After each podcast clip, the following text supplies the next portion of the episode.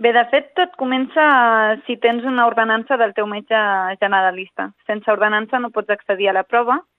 Uh, llavors, quan ja tens l'ordenança, vas a un site internet i demanes hora. Llavors, la prova te la fan al pàrquing de la Clínica Mutualista Catalana i funciona com un drive.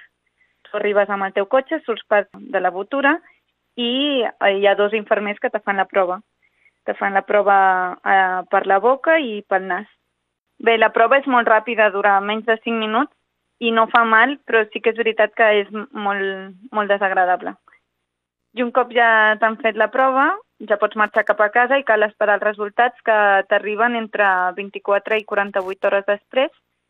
T'envien un SMS al teu mòbil, et donen uns identificants i pots entrar a la plataforma habitual per descarregar els resultats dels anàlisis.